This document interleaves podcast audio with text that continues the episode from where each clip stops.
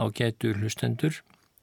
Ég ætla enn að glukka í æfiminningar úkrænska kommunistans Viktor Kravchenkos.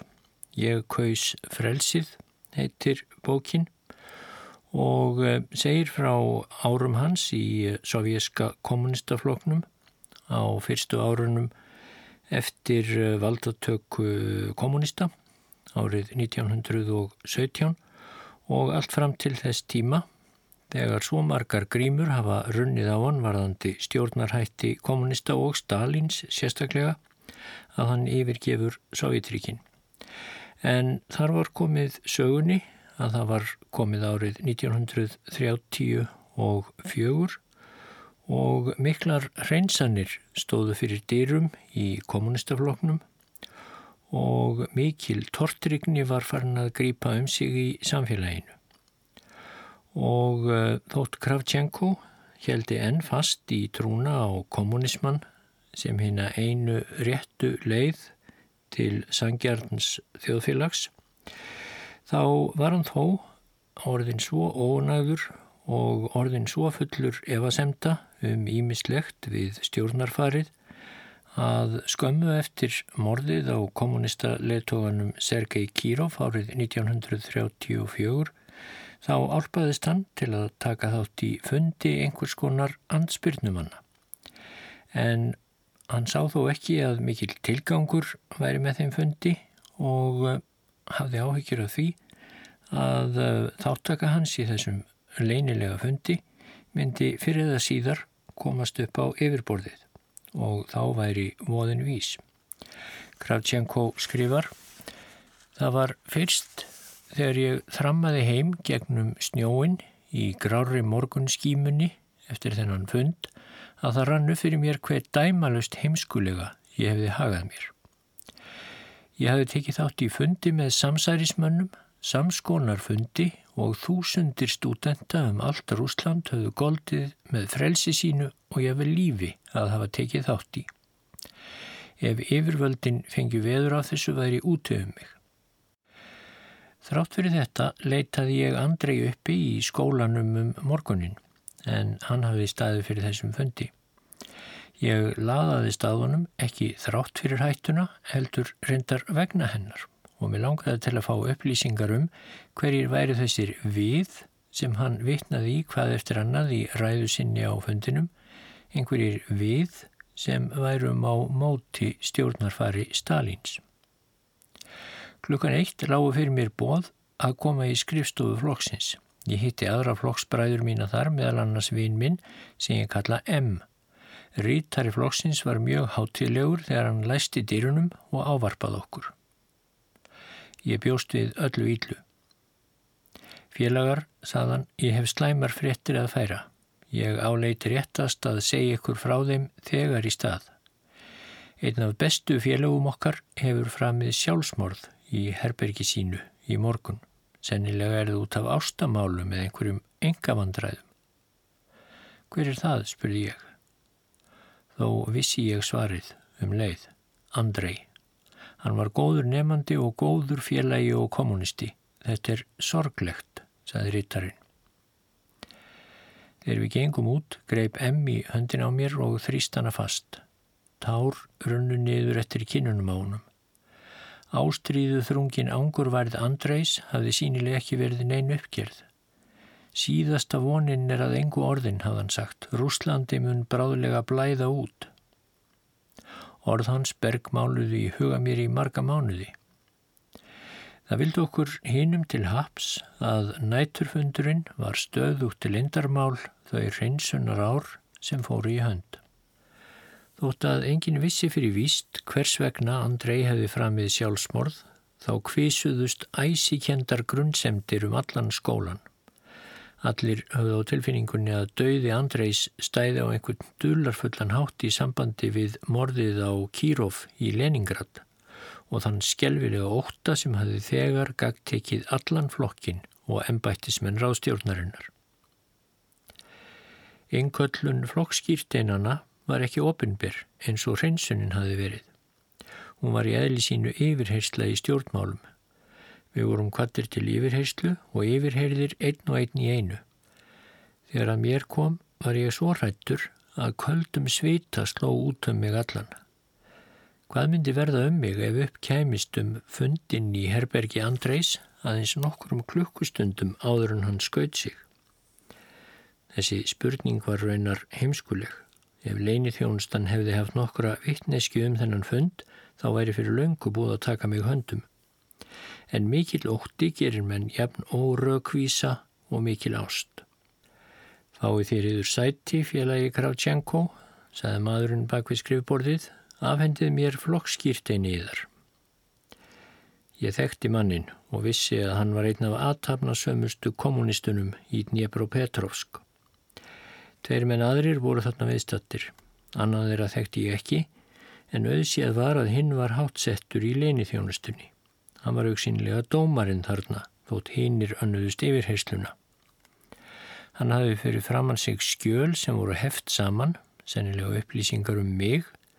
Hann leitt annað veifið í þau og rétti við og við eitt af þeim til mannsins við skrifborðið. Yfirhersla þessi fór fram eftir hinnum venjulegu reglum. Fyrst var farið yfir æfiferil skýrslu mína, þá skrá um vini mína og ættingja og lokk starfsemi mína fyrir flokkin en jáfnvel leiðindin við endurtekninguna voru róandi. Þeir óskuðu sérstaklega upplýsinga um hverjir hefðu verið ábyrðarmenn mínir þegar ég var tekin inn í flokkin. Ég skýrði frá nöfnum þeirra. Eru þeir enn í flokknum? Ekki veit ég betur, svaraði ég. Hefur nokkur þeirra einhver tíma tekið þátt í andstöðurreyfingu? Ef svo hefur verið þá hefur mér ekki verið kunnugt um það. En félagi Kravtjenko var ég því næst spurður, er það ekki einkennilegt að þér skuluð vera eini maðurinn í fjölskyldu yðar sem er flokksböndin í kommunistafloknum? Hvers vegna eru bræður yðar og fadir utan við fylkingar okkar? Hvers vegna er þetta einkennilegt, spurði ég á móti. Samkvæmt síðustu tölum eru færri menn hér á landi í floknum en þeir sem eru utan hans. Fadir hans skaut leini þjónustumadurinn inn í var virkur stjórnmálumadur fyrir byltinguna en honum er sínilega ekki gefið um bolsjevika. Ég byrðiður afsökunarfélagi, sagði ég, en það er ekki sangjant að láta uppi svona grunnsemdir vegna þess eins að menn hafi ekki gengið í flokkin. Það var ekki verið að ráðast á föðuriðar. Ég benti aðeins á staðrendirnar, sagði leini þjónustumadurinn með hæðinnis brosi. Yfirherslan hjælt áfram í hérum byl klukkustund. Eftir því sem á hana leið varði ég aftur rólegri. Blöðin í upplýsingabókinu um mig voru sínilega enþá hrein. Mér var aftur borgið. Að lokum var mér afhengt flokkskýrtinni mitt á ný. En öll máls meðferðin hafði skilið eftir óbragði í muninum á mér. Fræðilega séð voru það við, kommunistarnir, sem stjórnuðum landinu, kjarni þjóðarinnar. Það voru við sem vorum að skapa nýja veröld. Í rauninni voru við þó aðeins peð í því tabli sem lögreglustjórnin tefldi eftir reglum sem hún hafi sjálf sett. Þúsundir kommunista í borg okkar voru reknir úr floknum. Sama átti sér stað í öllum öðrum borgum landsins. Og á þessum tímum þá var brottregstur úr floknum oft sama sem tafarlaus fangilsun. En meðan á öllu þessu stóð þá var ég enþá á fullu í námi mínu í skólanum. Próverkefni mitt, lýsing og teikning af nýri pípugerðarvél sem ég hefði sjálfur fundið upp, hlaut ekki einungis ágætisengun, heldur var verkefnið einning heidrað með stjórnar engaleifi. Þó að vélinn yrðir endur aldrei smíðuð, þá skipaði þetta mér að minnstakosti fræðilega séð í flokk hugvitsmanna í vélfræði. Þegar ég hafi lokið skriflega prófinu stóðst ég munlega prófið frammi fyrir nefnd ríkiskipaðra prófdómenda. Námsferðli mínum laug með hófi. Við átum þá eins og við gátum í okkur látið, drukkum, sungum og heldum ræður þar sem úði og grúði af upptökum um föðurlands ást þegna ráðstjórnaríkjana. Hver ræðumadurinn og fættur öðrum lagði áherslu á það að við hefðum verið mentaðir á kostnað ríkisins og eyrðum nú að endurgelda það hundraðfalt með því að starfa ötullega að framgangi fimm ára áallunarinnar floknum til heiðurs. Og nú var ég lóksins orðin verkfræðingur. Fyrir fjórum árum hafði það takk markstaði fyrir sjónum mínum umvafið geysla ljóma. Geyslarnir voru nú hornir. Þeir höfðu myrkvast af hriðjuverkunum í sveitaþorpunum og henni miklu hungursneið. Þeir höfðu myrkvast af flokkshreinsununum og ruttaskapnum sem var allstaðar umhverfis mig og síðustu geyslana hafði sjálfsmorð Andreis slögt. Fyrir öryga fjölskyldu eins og mína þá var ástæða til að miklast af því að hafa fullfæran verkfræðing innan viðbanda sinna. Ég gerði mér upp gleði sem ég fann þó ekki til. Móður mín sá vafalust að hér var um uppgerðaræða en let sem hún samglettist mér. Föður mínum var fulljóst að á vegi verkfræðings í ráðstjórnaríkjunum voru ótal pólitískar leinigrafir. Hann var fámál, jafnvel þunglindur. Í augum bræðra minna sem letu stjórnmál alveg afskiptalauðs hafði heiðurskjalið ekki aðra þýðingu en þá að vera tæki til að bæta fjárhagsafkomu mína. Ég sendi Ortsjónukítse, ráð þeirra, afriðt af próverkefni mínu og fekk ástúðulegt bref frá honum. Ég hafði haldið sambandi við mínu viðan á námsárunum. Ég ofinbera samband hafði smám saman breyst í vináttu. Einhver tíma á árunnu 1933 hafði ég borðið fram þá tillögu að haldin er því samfelt síning á yðnaðarvörum ráðstjórnaríkjana í líkingu við svipaðar yðnaðarsíningar í Þýskalandi sem ég hafði frétt af. Ég bar fram tillöguna í bladagreinum sem blöðin byrtu á mynd af mér og rósi rittstjórana fyrir svona bolsjevíka frumkvæði. Því næst samdi ég nákvæmar áallanir með viðegandi tekningum til stuðningshugmyndinni og sendi þær til Ortsjónikítsis. Tilögan kom reyndar aldrei til framkvæmda en verndari minn í Kreml var henni meðmæltur og skýrði mér frá ánægju sinni á þel hlýjan hátt. Síðar kom ég fram með svipaða tilögum landbúnaðarsýningu sem betur rættist úr. Landbúnaðarsýning var nokkru setna haldinn en frumkvæðis míns var þá reyndar hverki getið. Ég hefði getað snúið mér beint til Ortsjónikítsis sem ráð þeirra yðnaðarmála ráðstjórnaríkjana með umsóknum stöðu en ég ákvaða að nota mér ekki vináttu hans. Í stað þess þá var mér ráðstafað til Trúbóstals, málmvöru ringsins sem framleiti allar stálpípur og ýmsar aðrar stálvörur fyrir allt landið. Yfirmaður Trúbostals var Jakob Ivanchenko sem hafði um skeið verið framkvæmdastjóri Petrovski Lenin verksmiðunar og þekkti mig því vel. Á ráðstefnu í skrifstofu hans var ákveðið að ég skildi starfa við hinn að nýju málmiðinaðar samsteipu í Nikopol sem samkvæmt áallun átti að hefja starfsemi sína í april. Ég hafði ekki glemt sóðaskapnum, ringulreiðinu og beskjunni sem ég hafði séð í borginni Nikopól þegar ég kom þangað sem eftirlitsmaður flokksins og endurminningin um þetta var ekki upparvandi. Mér fannst það ótrúlegt að verksmiðurnar ættu nú að hefja framleiðislu þrátt fyrir allar þær þjáningar og allar þá orgu sem það hafi kostað að reysa þær. Mér fannst Nikopól reyndar vera tákn allrar viðleitninnar til að breyta Rúslandi í yðnaðarlandi í einni svipan. Þessi viðleitni var eðslussum, vægast sagt, að þér tók til mannslífa og efnis. Hún var róttarleg í vanhæfni sinni og ódugnaði en miðaði þó einhvern veginn áfram í framfara átt. Móður mín og unnusta mín Elín veifuðu til mín frá bryggjunni þar til fljótabáturinn sem ég fór með til Nikopól kvarf fyrir bugðu á onnit Njepr. Ég var mér þess vel meðveitandi að nú hófust ný þáttaskipti í lífi mínu. Ég var nú 29 ára að aldri, full gamal til að byrja á æfistarfi sem verkfræðingur, en ég byrjaði nálagt toppnum sem einn af yfirmönnunum við stort yðnfyrirtæki.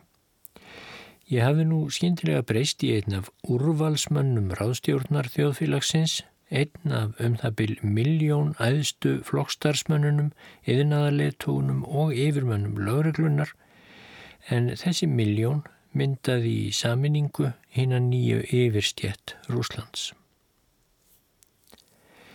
Nikopól er gömulborg við ánat Njepr.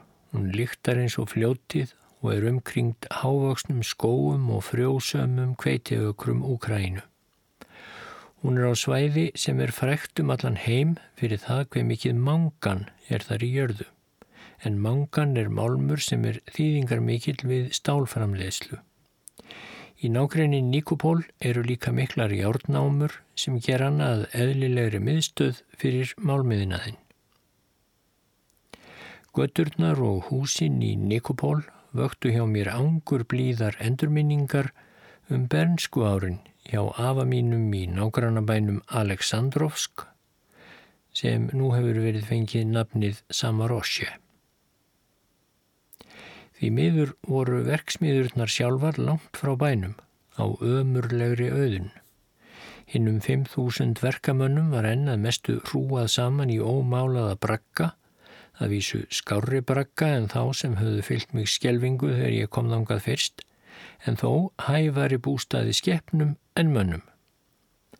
Almennir verkamenn mötuðust í geysistórum, óhollum og döynillum matsal þar sem hver afgritti sig sjálfur.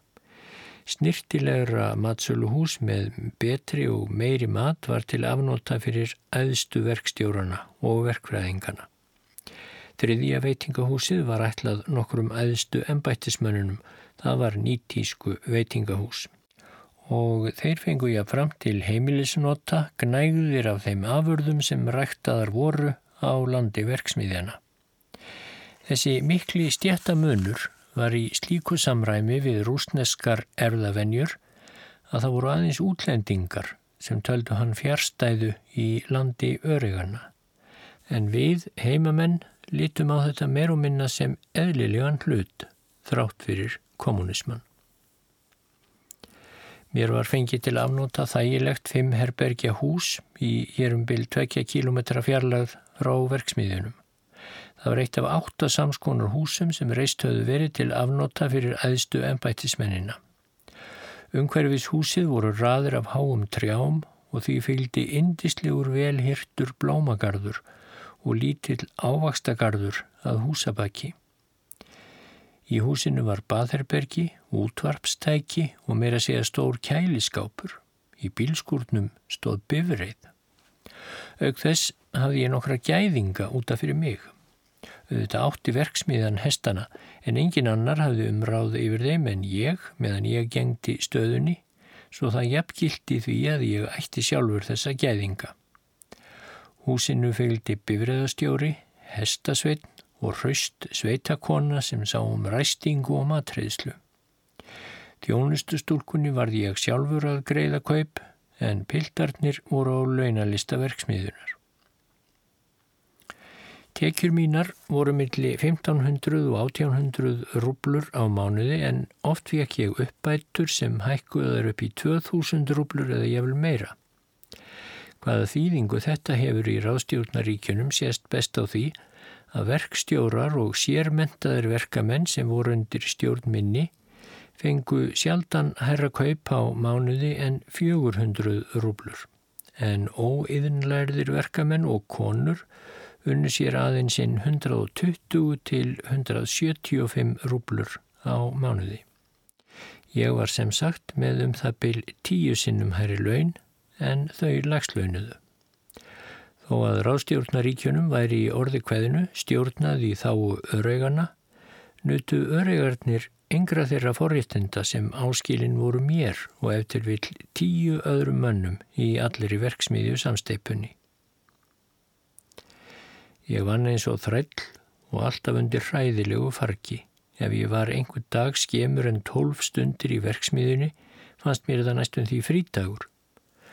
Stundum kom það fyrir að ég var við vinnu í tvo og ég vel þrjá sólarhinga og kastaði mér aðeins nýður á legubækkin í skrifstofuminni til að láta renna mér í brjóst.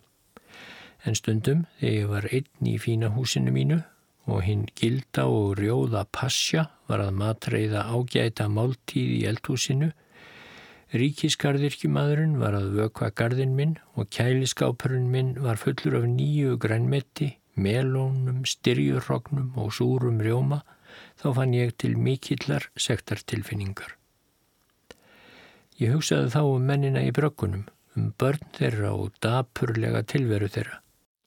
Hvernig geti ég álasa þeim, þótt að þeir, eins og ég hugði, væri mér reyðir, já, þóttir hötuðu mig sem einn af nýju húsbændum þeirra.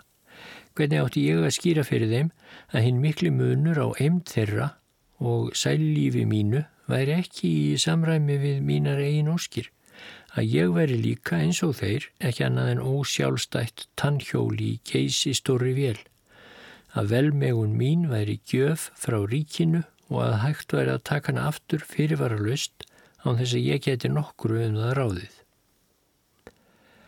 Ég óskaði þess innilega að geta komið á vinsamlegu hreinskilinu sambandi millir verkamannana og mín. Ég skildi þá, ég þekkti þarfir þeirra og vonir. En ef verkfræðingur í minni stöðu óskaði eftir að umgangast almenna verkamenn, þá gatað þótt mótsakna kent kynnað virðast sært stolt þeirra. Það var eins og ég væri að taka þá undir minn verndarvæng. Auk þess myndu hínir ennbættismennir vera á móti slíkri umgengni og álíta hana skadlega fyrir agan. Fræðilega séð vorum við fulltrúar valds verkalýðsins en í reyndinni vorum við sérstök stjett, það var djúb gjá millir kjörorðana og slagorðana og svo veruleikans. Félagi Brakkó sem hafi verið yfirmaður við byggingu verksmiðunar var nú aðal framkvæmdastjóri hennar. Tíminn hafi dreyið nokkuð úr ákafa hans og gert hann að mjög viðkunnanlegum ennbættisbróður. Aðeins Brakkó og yfir verkfræðingurinn Vistnjef voru herrasettir en ég í faglegri stjórnverksmiðunar. Á stjórnmálasviðinu voru Alexei Kostlov, yfir maður flokksnemndar verksmiðunar og félagi Starossin, formaður verkalýsfélagsins, aðeistu mennirnir. Kostlov var roskinn, mannúðlegur maður og hafði brennandi áhuga á velferðu verkamannana. En Starostin var reynræktaður uppskafningur og ekkers heimskur. Útlýtt hans var reyndar jafn grófkjert og grómtekið og hann var sjálfur í raun og veru. Sem betur fór fylgdi stöðu hans meiri upphefð en vald. Stjórnendur verkalýsfélagana máttu ekki opna munnin hvað þá taka ákvarðanir án leifis flokksins og máttu menn eins og starfot sín því venjulega lítils. Allt fyrirkomulega verkalýsfélagana virtist, sérstaklega þegar á það var litið að þetta var í einræðisríki, enkenlegar leifar frá fjarlægri fortíð. Og það var ekki einu sinni skemmtilegt því enginn tók marka á hjalinu um fundi og fundarsamþyktir síst af öllu verkamennir sjálfur. En eitt í þessum félagskap var þó veruleiki fyrir félagana og þá voru félagsgjöldin sem þeir eruðu að greiða til verkefliðsfélagsins af hennu lága kaupi sínu. Áhrif starfsins voru svo lítil að engin starfsmaður í hári stöðu þurfti að taka tillit til hans en öll orð sem Kostlov mælti voru sem lög. Við yfirmennirnir höfðum auðvitað talsvert saman að selda og komist ekki hjá því að kynna stuttlungum og anmörkum hver annars. Rítari flokkstjórnarinnar í Nikopól hétt Brodski, hármaður og digur. Ég hefði kynst honum í Dnjepr og Petrovsk. Hann hafði vakandi auga með verksmiðunum. Að því er snerti yfir mann leinilöruglunar í Nikopól, Dorogan að nafni, þá hafði hann ekki einasta vakandi auga með okkur, heldur störfuðu líka leinilega fyrir milligöngu sérdeldarinnar í verksmiðunni heilar hersveitir af njósnurum í hverju einasta verkstæði, í hverri skrifstofu og hverri deild, ímist störfuðu þessir njósnarar af fúsum vilja eða af nauðung.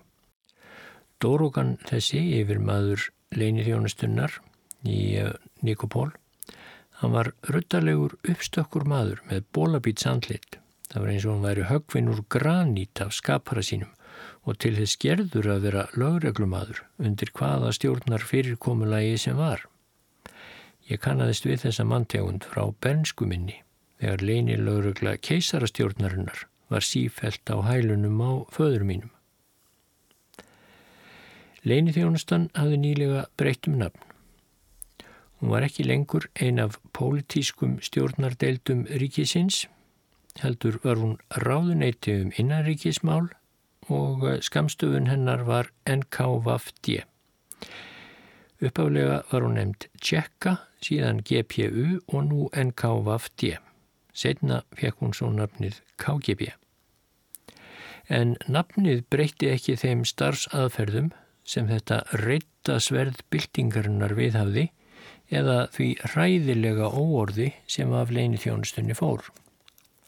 Menn sem störfuðu í sambandi við eða á vegum þessa ræðilega kervis voru enþá nefndir tjekkistar eftir fyrstanafninu og rússar heldu áfram að tala um GPU mörgum árum eftir að nafninu var breytt í NKVFD. Samband okkar við NKVFD var reyndar ekki aðalega við Dorogan, aðista yfirmannin, heldur hinn ötula aðstóðarmann hans, Gersjórn, sem var forstuðumadur fjármáladeildar NKVFD í Nikopólborg og nákrenni hennar. Þessi Gerskórn var einhver mesti nýðingur sem ég hef komist í kynni við. Þetta var feitur maður með lítil flóttalegu augu í spikuður nöður raukuðu andlitinu. Hann var sköllóttur og höfuð hans í læginu eins og síkurtoppur. Hann var ímist ísmegilegur í framkomu eða ósvífin eftir því við hvern hann talaði. Hafi í honum verið nokkur snefill af mannlegri síðsemi þá varði ég aldrei varfiðað þau ár sem hinn ógeðfeldu kynni okkar stóðu yfir. Fyrstu mánuðurinnir sem ég vann við verksmiðina í Nikopól voru aðalegi útvegun vela og annan undirbúning til að geta hafið framleiðsluna.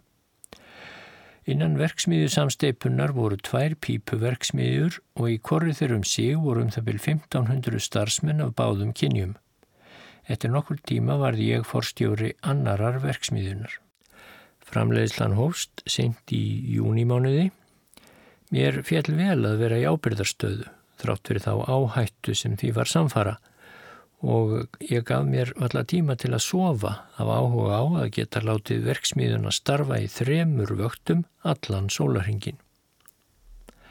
Stundum þegar ég gekk um verksmiðuna og var þess var að allt gekk vel, þá var ég hamingjusamari en orð fá líst.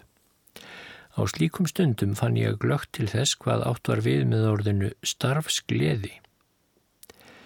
Ef aðeins hefðu verið færri njósnarar, minni tortrygni og minna af hennum hræðilega óta sem lamaði hugan og lág eins og farg á skapi manna, þá hefði mér líðið óaðfinnanlega. En mér var það fulljóst að sérkverju skrefi mínu, ekki aðeins við stjórnin á verksmiðinu, heldur einni í engalífi mínu, var veitt aðtegli og allt var skrásett. Ég þóttist vissum að engarittari minn í verksmiðunni, miðaldra kona, sem hétt Túvína, nokkuð fúlind en afardugleg, gæfi skýrslu um framferði mitt. Sama var að segja um ráðskonu mína í íbúðarhúsi mínu og bílstjóran og að minnstakosti einn og eftir vil fleiri af aðstóðarmannum mínum. Ég sökti þessari vittneskju neðsniður í vittund mína en þar satt hún alltaf eins og kláði og trublaði starfi mitt og hugsanir. Ég komst hvað eftir annað að raunum að hvert orð sem sagt var á venjulegum umræðufundum sem ég bóðaði til að fjallum framleiðsluna var umsvegulegst borið í Hantovic yfir mann sérdeildarinnar í verksmiðinni og Hantovic gaf svo auðvitað skýrslu um þau til Gerskorns með flóttalegu augun. Það var þó ekkert dularfullt eða merkilegt við þessa umræðu fundi. Ég hefði fúslega getað skrifað orðréttar skýrslur sem allir hefðu mátt sjá um allt sem framfóru á þessum fundum. Það var sjálft njóstna kerfið sem ég hefði mestu óbeit á. Mér fundust þessar njósnir svo móðgandi að þær nálguðust ósvífni. Einmitt af því að ég hefði aldrei getað hugsað mér að verða einhvers konar skemdarverkamaður. En skemdarverk voru mjög ofarlega á baui í ráðstjórnaríkjunum á þessum tíma. Skemdarverk sem áttuðu vera unnin undir handleiðslu njósnara og skemdarverkamanna á vegum trotskíista og annara andstæðinga kommunistaflóksins og Stalins. Ekkert yðinfyrirtæki er algjörlega fullkomið í rekstri. Vélar bíla, glappaskot eru gerð, þreyttir menn verða hyrðulöysir, framleiðislu áallanir standast ekki. Þetta áauðvitað sérstaklega við um spán nýja verksmiðju sem notar erlendar vélar, hefur að mestuleiti óreindum starfsmönnum á að skipa og verkamönnum sem nýkomnir eru úr sveitaþorpunum. En þrátt fyrir þetta komu NKVFD-mennir hlaupandi á harðaspretti ef svo vildi til að eitthvað bjátaði á, sama hver lítið það var, og reyndu kapsamlega að þefa upp merki um eigðileggingu eða skemdarverk. Því næst hófust svo ofinberar yfirheyslur í skrifstofu sérdeildarinnar eða leynilegar nætur yfirheyslur og hótanir í aðalstöðum NKFT í borginni. Ég hafi gefið fyrirskipunum að ef eitt hvert óhapp vildi til, hversu lítil fjörlögt sem það væri, þá vildi ég látin vita, hvort heldur það kemi fyrir á nóttu eða degi. En það var alveg sama hver fljótt ég koma á vettfang, alltaf voru NKFT-mennir komnir á undan mér með hranalega tortrygni og hæðinnislegar ákjærur. Þannig var andrumsloftið sem við unnum í fyrir ríkið. Hinn er eldri verkfræðingar og stjórnendur skoðuðu það sem eðlilegt loftslagur ástjórnar yðnaðarins og við hafðu sínumilli gamanirði um hérna allstaðar nálægu rítöfunda eins og þeir kölluðu slefberana og njósnarana. Ég gæti aldrei vanið mig fullkomlega við þetta og ástandið varð verra með hverjum mánuði sem leið eftir því sem hinn mikla hreinsun sem leiti af dauða Kírófs breyttist út og færðist í aukana. Að áriliðnu virtist Nikopól frekar vera veiðisvæði lögreglumanna og leinilegra uppljóstrunarmanna heldur en rétt og slétt innfyrirtæki. Í miðjukafi kom móður mín í heimsókn.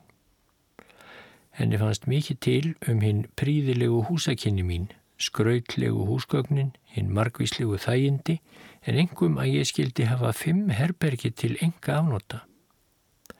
Næst elsti sonur hennar hafði sannarlega komist áfram í lífinu fannst henni.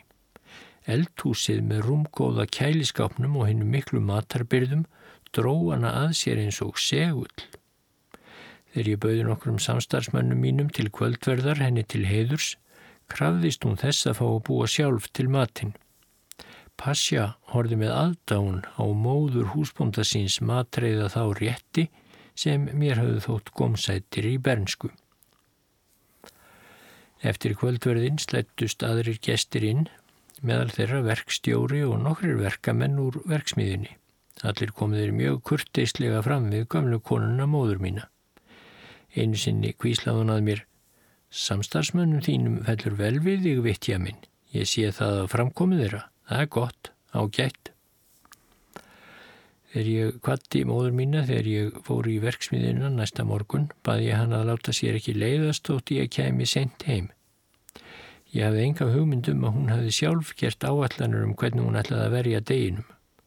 Fyrstu bendinguna um það fekk ég síðdegis þá um daginn. Einna verkræðingunum saði mér að hann hefði séð móður mína í veitingahúsinu.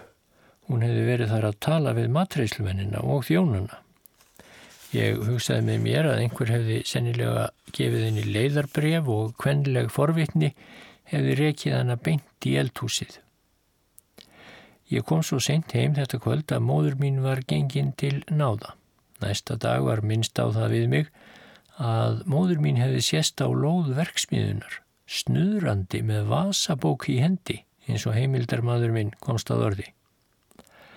Ég frétti að hún hefði komið í braggana samvinnu veslanirnar og vöggustofurnar. Ég var mjög önnum kafinn þennan dag og gaf mér því ekki tíma til að skipta mér af snuðri móður minnar. Þegar ég kom heim um kvöldið satt móður mín við skrippborði mitt með stálspangarglerugun langt niður á litla nefinu og var að skrifa í papírshefti alvarlega á svipin eins og kaupsíslumadur. Ég spurði hana einskís en beði dáltið órólegur eftir því að hún segði eitthvað að fyrrabræði. Þegar kvöldverðinum var lokið og passja hafi borðið fram af borðinu, þá sagði mamma og nú vitt ég minn langar mig að tala alvarlega við þig. Ágætt, sagði ég, hvað likur þér á hjarta, mamma mín? Eins og fulltrúi sem er að gefa yfirmanni sínum skýrslu skýrði hún mér nú frá því að hún hefði farið eftirlitsferðum verksmiðju hverfið og aðtugað bústaði verkamannana, vöggustofurnar, félagsheimilinn, baðherbergin og þau þægindi sem verkamenninni rættu við að búa. Og nú færðist hörð ásökun í rött hennar. Mig hryllir við því sem ég hef séð, sagði hún. Er þér ljóst hvaða meðferð verkamenninni þínir sæta? Þegar um er að ræða framkvæmdastjóra og háttsetta starfsmenn þá eru gnægðir af öllu en þegar almennir verkamenn eiga í hlut þá er allt í vanhyrðu og óhreinindum. Eldhúsin eru bókstaflega viðbjóðsleg. Miðdegisverðurinn handa verkamennunum er fábreyttur. Svo eru það braggarnir. Segðu mér eitt vitja, álítur þú í raun og veru þá hæfa verkamennum ráðstjórnaríkjana. Hvers vegna kennir þú mér um þetta, móður mín, saði ég. Ég ger allt sem ég get til að lagfæra það. Það er ekki ég sem ber ábyrð á þessu.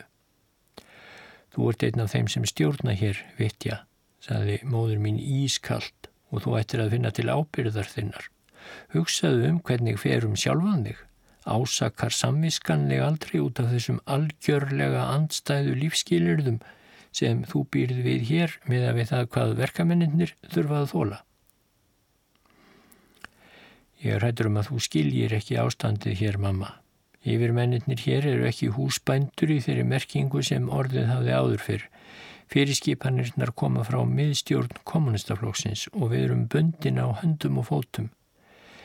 Ég hef komið því til eðar að matsöluhúsið sem menn afgreða sig sjálfur í hefur verið málað að golfið þar er þvegið, þrísvar og sólarhing eftir að hver vinnuflokkur hefur matast að undanteknum svona smámunum þá er ég alveg valda laus. Allt viðvíkjandi kaupgreðslum, byggingum, fjárhags áallunum, verða á fatnaði og matföru, allt er þetta ákveðið í Moskvu. Ég hef eins og að nú að starfa við að framleiða pípur. En þú ættir þó að minnst að kosta þekkja ástandið, sagði móður mín og var enn hinn strángasta. Ég hef búið til skrárum það helsta sem ábóta vand er og hér eru þær. Veistu að konurnar verða að aka eða ganga 6 kílometra til borgarinnar til að kaupa nöðsynjar? Hvers vegna er ekki tork hérna rétt hjá þar sem samirkjubændurnir geta selt vörur sínar? Ég sé að þú hefur indislegt kvítmálað baðherbergi handa þér einum. En verkamennir og þeir skipta þúsundum hafa aðeins aðgangað lélegum og óreinum klefa sem á ekki skilið að nefnast baðherbergi. Og auk þess eru baðtækin í ólagi. Verksmiðunar hér hafa kostað margar miljónir rúbluna. Hvers vegna hafa ekki verið útbúinir snotrir baðklefar, handa konum og körlum. Og hér er annað dæmi vitja, vöggustofurnar. Það er ekki nóg lérefti, ekki nóg meðulum og ekki nóg neinu. Þú málar myndin að dekkrein hún er, mamma, saði ég döflega. Ég var í engum vafa um það þó að móður mín hafði í alla staði rétt fyrir sér. Ég ásaka þig ekki svonur minn, en ef til vil er þið eitthvað gert til úrbóta ef þú og hinnir stjórnendurnir vissuð hvernig ástandið er. Þegar hér var komið var svipur kaupsíslumannsins horfin af andleiti móður minnar. Hann var uppgerð og gæti ekki haldist lengi. Augu hennar voru nú full af tárum. Hún hefði komist við af því sem hún hefði séð einmitt vegna þess hveða stakk mjög í stúfi þær þægilegu aðstæður sem sonur hennar lifði við. Nokkrum dögum eftir að móður mín var farin aftur til Dnjepro-Petrovsk þá kvatti félagi Koslov yðin verkfræðingana, flokkstarfsmennina og starfsmenn verkefliðsfélagana saman til fundar. Skrifstofa flokksins var orðin tétt skipuð þegar ég kom. Félagi Kostlof sagði að aðeins eitt mál væri á dagskrá, nefnilega lífskjör verkamannanna við verksmiðuna. Ég varð forviða. Mér gafst nú vonum fyrr tækifæri til að leggja fyrir verksmiðustjórnina það er staðreindir sem móður mín hafði skýrt mér frá. En svo heppilega tilviljun, hugsaði ég. Margir ræðumenn tóku nú til máls og töluðu almennt um málefnið, auðvitað væru aðstæður verkamannana slæmar en hvað var hægt að gera? Þegar að mér kom þá gæti ég hins vegar talað um einstök atriði. Fyrirlestur móður minnar var mér í fersku minni og í raun og veru endur tók ég bara orð hennar. Ræða mín fól ekki einungis í sér endursögn af skýslu hennar, heldur líka reyði hennar sorg og ásakanir. Flestum af áheyrendum mínum varð sínilega eins innan brjósts og mér hafi verið nokkrum kvöldum áður. Ég sagði að það væri margt sem við getum gert til úrbóta, jafnvel með þeim takmörkuðu úrræðum sem væru á okkar valdi ef við værum ekki of önnum kapnir við að hugsa um málefni sjálfur okkar hver fyrir sig. Ég stakk upp á því að við byrjuðum að líta á hverstagsleg vandamál verkamannana sem málefni okkar sjálfra. Hvar hefur Kravchenko fengið þessar upplýsingar, spurði einhver. Þær hefur hann frá móður sinni, saði Starost sinn, formadur verkalýsfélagsins og það var háðshreimur í röttans. Vitið það ekki? Hún er sjálfskeipað njóstna stórfylki sem skoðar allt og snuðrar í öllu eins og hefðarfrú á óðalsetri sínu. Og þessi hefðarfrú álítur að því er virðist að hún eigi Nikopól að því að sonur hennar er einn af ráðamönnum verksmiðjana og hún er að sapna pólitískri innstæðu handa síninum fyrst og fremst. Nú varð almenn óró menn töluðu hver í kaffið annað. Blóðið steg mér til höfuðs og ég varð mállaus af reyði. Kostlof tók fast í handlegminn til að halda aftur af mér. Rólegir félagar, hann barði í skrifbórsitt. Félagi Starossinn talar eins og heimskingi. Móðir Kravtjenkos er engin hefðarfrú, það er honum vel kunnugt um. Hún er gift gömlum verkamanni, gömlum byltingarmanni frá 1905 sem satt árum saman í fangelsi fyrir byltingarstarfsemi. Þér ættu það fyrirverða yður fyrir að ráðast á þessa konu. Ef til vil er það gert til að breyða yfir leti yðar og afskiptarleysi af högum verkamannana, þótt þér eigið að heita formaður verkaðísfélagsins. Hlátra sköll, hvaðu nú við. Formaður verkaðísfélagsins sætti svo almennri fyrirlitningu að ekki mátti sleppa tækifæri til að hafa hann að allagi þegar hægt var að gera það með blessun sjálfs flokksrittarans. Ég veit af tilviljun að gamla konan reyndi að ná tali af yður félagi starfsinn en þér vilduð ekki veit henni áhærn, helt Koslof áfram. Þér kerðuð yður vafalust ekki um að vera ónáðaður með öðru eins ruggli og eins og veggjalús í bröggunum eða skítugum reifum í vöggustofunum. En ég átti tal við konuna Hún síndi það bolsjevíka frumkvæði sem kemst langt áleiðis. Já, hérna, móður mín hafði þá ekki látið sér næja að rannsaka allt, heldur hafði hún líka kunngert til eðtógunum það sem hún hafði orðið áskinja. Frá því hafði hún ekki sagt mér. Og þessi fundur var þá ekki neinn tilviljun, heldur bein afleiðing af snuðri hennar út um allt. En hvað hún var góð og hugprúð. Þrátt fyrir að hún hefði vissulega komið mér í vandræði þá sló hjarta mitt örar af ást og aðdáun á móður minni. Næstu mánuði var það nokkur árangur af barnalegri meðalgöngum móður minnar. Settur var á stopn markaður samirkjubúar rétt hjá verksmiðunum. Barnaheimilinn voru gerð hrein og látin fá meira af líni. Áætlanir voru gerðar um ný bathús og minniháttar endurbættur framkvæmdar. Sagan um baráttu frú Kravchenko í þá verkamannana barst út meðal þeirra og ég, sonur hennar, nöyt vissulega góðs af frægð gamlu konunnar.